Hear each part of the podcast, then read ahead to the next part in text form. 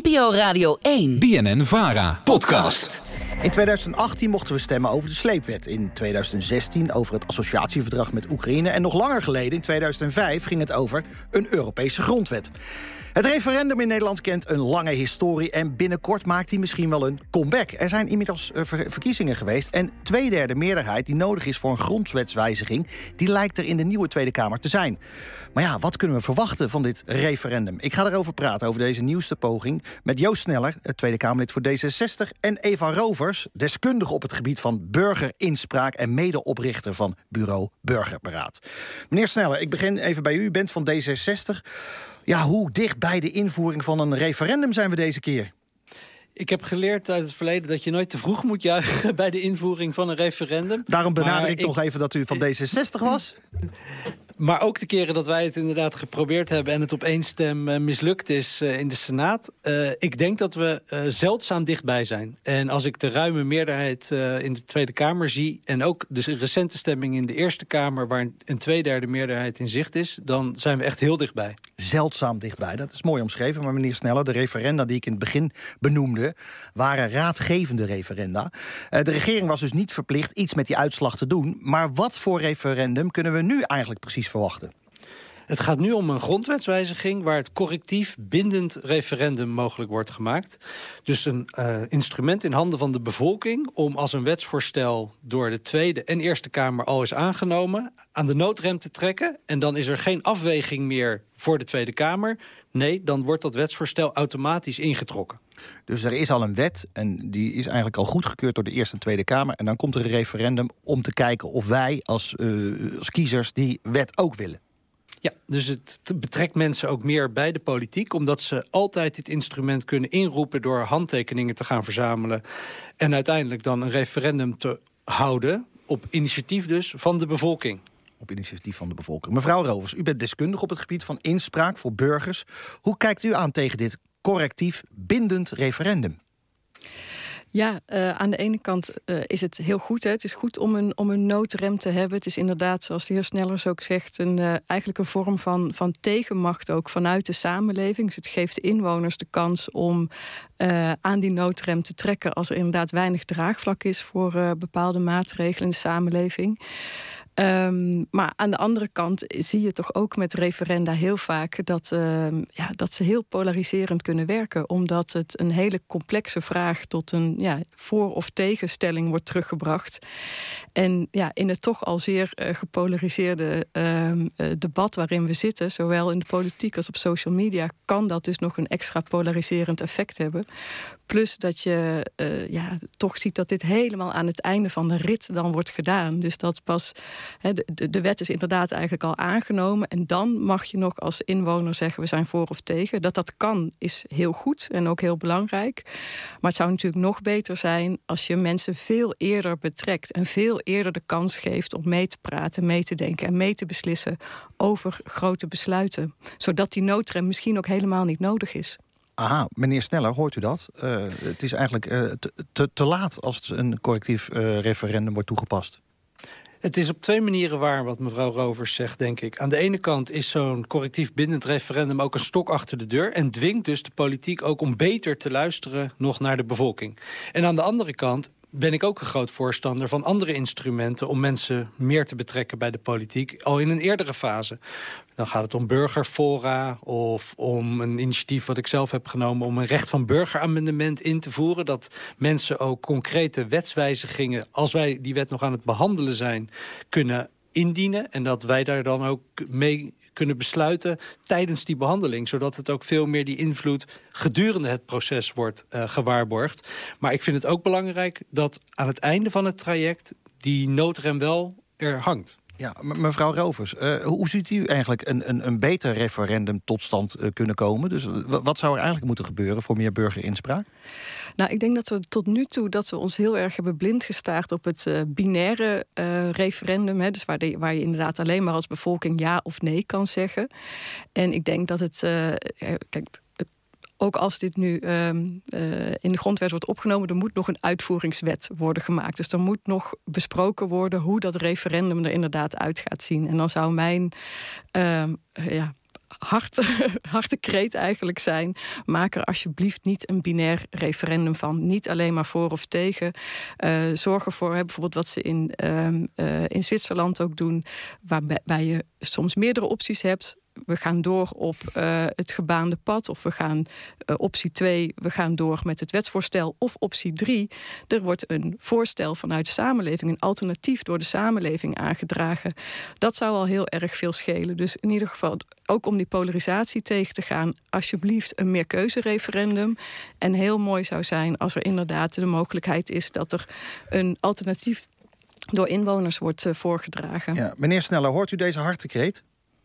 Ja, ik denk dat het in dit geval goed is om de stap te zetten... om dat correctief binnen het referendum in te voeren. En uiteindelijk ligt er dan een besluit... wat al door de Tweede Kamer en de Eerste Kamer besproken is. En is het aan de bevolking om te zeggen ja of nee. Ik denk dat het ook heel interessant is om met die andere vormen te gaan experimenteren en te kijken kan dat ook een toegevoegde waarde zijn. Maar het heeft wel deels ook een andere functie dan. Bijvoorbeeld een initiatief wat er, of een alternatief wat er in de bevolking leeft, naar voren te brengen. Um, het initiatief lag dit keer bij de SP, maar eerder heeft D66 ook al verwoedelijke pogingen gedaan om het bindend referendum er doorheen te krijgen. En dat ging soms op de valreep mis, zoals tijdens de Nacht van Wiegel in 1999. Hele Paarse kabinet stapt op na een tegenstem van één VVD-senator. Wiegel. Wultgens. Dat die man uh, onder deze gigantische druk ja, dat toch volhoudt. Ik, ik, moet zeggen, ik had het niet van hem verwacht. Het is buitengewoon teleurstellend dat het referendum het in de Eerste Kamer niet heeft gehaald. De discussie van 80 jaar heeft geen succes mogen hebben. Het is een bittere pil voor het gehele kabinet. De nacht van Wiegel. Ja, het is moeilijk te horen, maar VVD-senator Hans Wiegel stemde dus tegen. Uh, en torpedeerde zo het referendum. Meneer Sneller, we hoorden het net. Uw partij is hier al zo lang mee bezig. En nu lijkt het er eindelijk van te komen. Maar ja, dat blijkt dan toch eigenlijk te zijn... dankzij een enorm rechtspopulistisch blok... in plaats van een groot D66. Is dat niet pijnlijk voor jullie?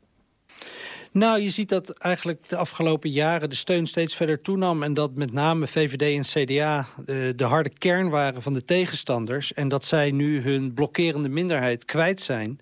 waardoor er dus inderdaad 100 zetels uh, in de Tweede Kamer voor zijn.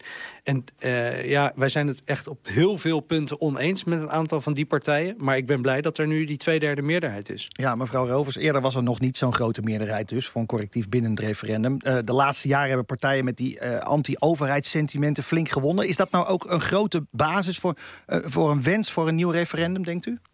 Nou, je ziet wel dat uh, mensen die wantrouwend staan tegen de overheid of tegen de politiek, dat daar vaak veel steun is voor directe democratie. Dus mensen die uh, niet zoveel vertrouwen hebben in de politiek zoals het gaat, die uh, ja, willen die status quo veranderen. En die willen, he, die willen niet de democratie afschaffen, maar die willen gewoon meer invloed op besluitvorming. En dan zijn vormen van directe democratie, zoals een referendum, inderdaad heel aantrekkelijk. Ja, en u had het dan al over het meerkeuzereferendum. Uh, en ook een uh, preferendum. Ja. Wat mag ik me daarbij voorstellen? Ja, nou ja, dat is dus het mooie. Er zijn gewoon veel verschillende vormen van referenda. Dus het zou heel mooi zijn om daar ook wat meer aandacht aan te besteden. Dat het niet alleen maar dat ja of nee is. Dat je inderdaad meer keuze kan doen. Drie, vier, vijf opties. Maar inderdaad ook een preferendum. Waarbij uh, er ook een aantal opties, mogelijke keuzes liggen. Dus niet dat een complex onderwerp platgeslagen tot maar twee opties. Maar bijvoorbeeld tien verschillende opties. En dan laat je mensen zeggen: Nou, zet maar op volgorde van jouw voorkeur. Wat vind je het beste voorstel? Wat vind je het minst goede voorstel? Een soort top 10 maken. En dan krijg je als, als politiek ook een veel beter inzicht in wat er nou echt speelt bij mensen. Um, waar. Het is nu heel vaak onduidelijk waarom mensen voor of tegen hebben gestemd. Met zo'n preferendum krijg je daar veel beter zicht op. En het gaat ook um, veel meer die polarisatie tegen. Meneer Sneller, zijn dat echt betere vormen van burgerinspraak volgens u? Nee, ik, ik zie de charme er zeker van. Maar ik denk dat we de campagnes die zijn gevoerd over de, voor de verschillende referenda's tekort doen als we zeggen dat we niet weten waarom mensen tegen hebben gestemd. Er liggen vaak hele goede onderzoeken vervolgens ook over inzicht. Uh, en dat dat ook echt wel gaat over het wetsvoorstel waar het over ging. En niet over het gevoel over het kabinet of we zijn gewoon tegen de politiek. Maar dat mensen heel inhoudelijk kijken. En inderdaad, het klopt dat de steun voor het referendum met name onder mensen met een praktische opleiding heel hoog is. En als je kijkt naar de Atlas van Afgehaakt Nederland en alle mensen die niet meer gaan stemmen of het vertrouwen verliezen in de politiek, dan denk ik dat deze vorm van referendum juist daarvoor een hele grote steun kan betekenen om het vertrouwen weer te herstellen. En dat is toch, denk ik, een van de grote opgaves de komende periode. Dus, dus u vindt het bindend correctief referendum voldoende om het vertrouwen te herstellen? Nee, er moet wat mij betreft een heel veel gebeuren. Dit is wel een belangrijke bouwsteen om dat vertrouwen te herstellen. Omdat het mensen ook uiteindelijk het gevoel van controle geeft... dat er een extra noodrem is. Een, grip hebben op wat er gebeurt in politiek Den Haag. En dat als het echt niet bevalt... dat we ook tussen de verkiezingen door aan die noodrem kunnen trekken... en kunnen zeggen, nee, deze wet moet worden ingetrokken. Dat zorgt er ook voor dat mensen zich weer meer gaan bemoeien... hopelijk met wat er in politiek Den Haag gebeurt. Mevrouw Rovers, ziet u dat ook zo? Ziet u dat ook zo? Nou, het, het is een manier, maar ik denk eh, absoluut dat mensen meer dan alleen maar ja of nee te zeggen hebben. En dat uh, ja, door te zeggen, hè, mensen met een praktische opleiding vinden zo'n binair referendum, hebben daar de voorkeur voor. Dat waag ik te betwijfelen. En we zien in heel veel landen om ons heen dat uh, mensen van alle mogelijke opleidingsniveaus, uit alle mogelijke hoeken van het land, uit alle op, ehm, sociale niveaus, heel erg goed in staat zijn om met elkaar een gesprek te voeren over hele ingewikkelde onderwerpen. En dan is het gewoon heel erg zonde om te zeggen: het is, we kunnen alleen maar ja of nee zeggen. En laten we alsjeblieft dat referendum wat breder trekken dan, dan dat. Dat uh, lijkt mij heel verstandig. En ik denk dat dat ook, want ik ben het er helemaal mee eens. Uh, er is een grote behoefte uh, voor men, van mensen om, hè, om echt mee te praten. Dus laten mensen het ook serieus nemen en zorgen dat, ze, dat er absoluut een referendum kan komen. Ja. Maar dat mensen ook echt de ruimte krijgen om meer te zeggen dan alleen maar ja of nee. Meneer Sneller, u moet niet zo bang zijn. Nee, en ik, ik moedig alle andere initiatieven van harte aan. Uh, dus, en ik heb helemaal niet gesuggereerd dat praktisch opgeleiden niet uh, in uh, allerlei andere vormen heel veel bij te dragen en te, te zeggen hebben en verschillende meningen hebben. Ik heb gezegd, ze zijn de grote voorstanders zie je ook uh, onder praktisch opgeleide van een correctief bindend referendum.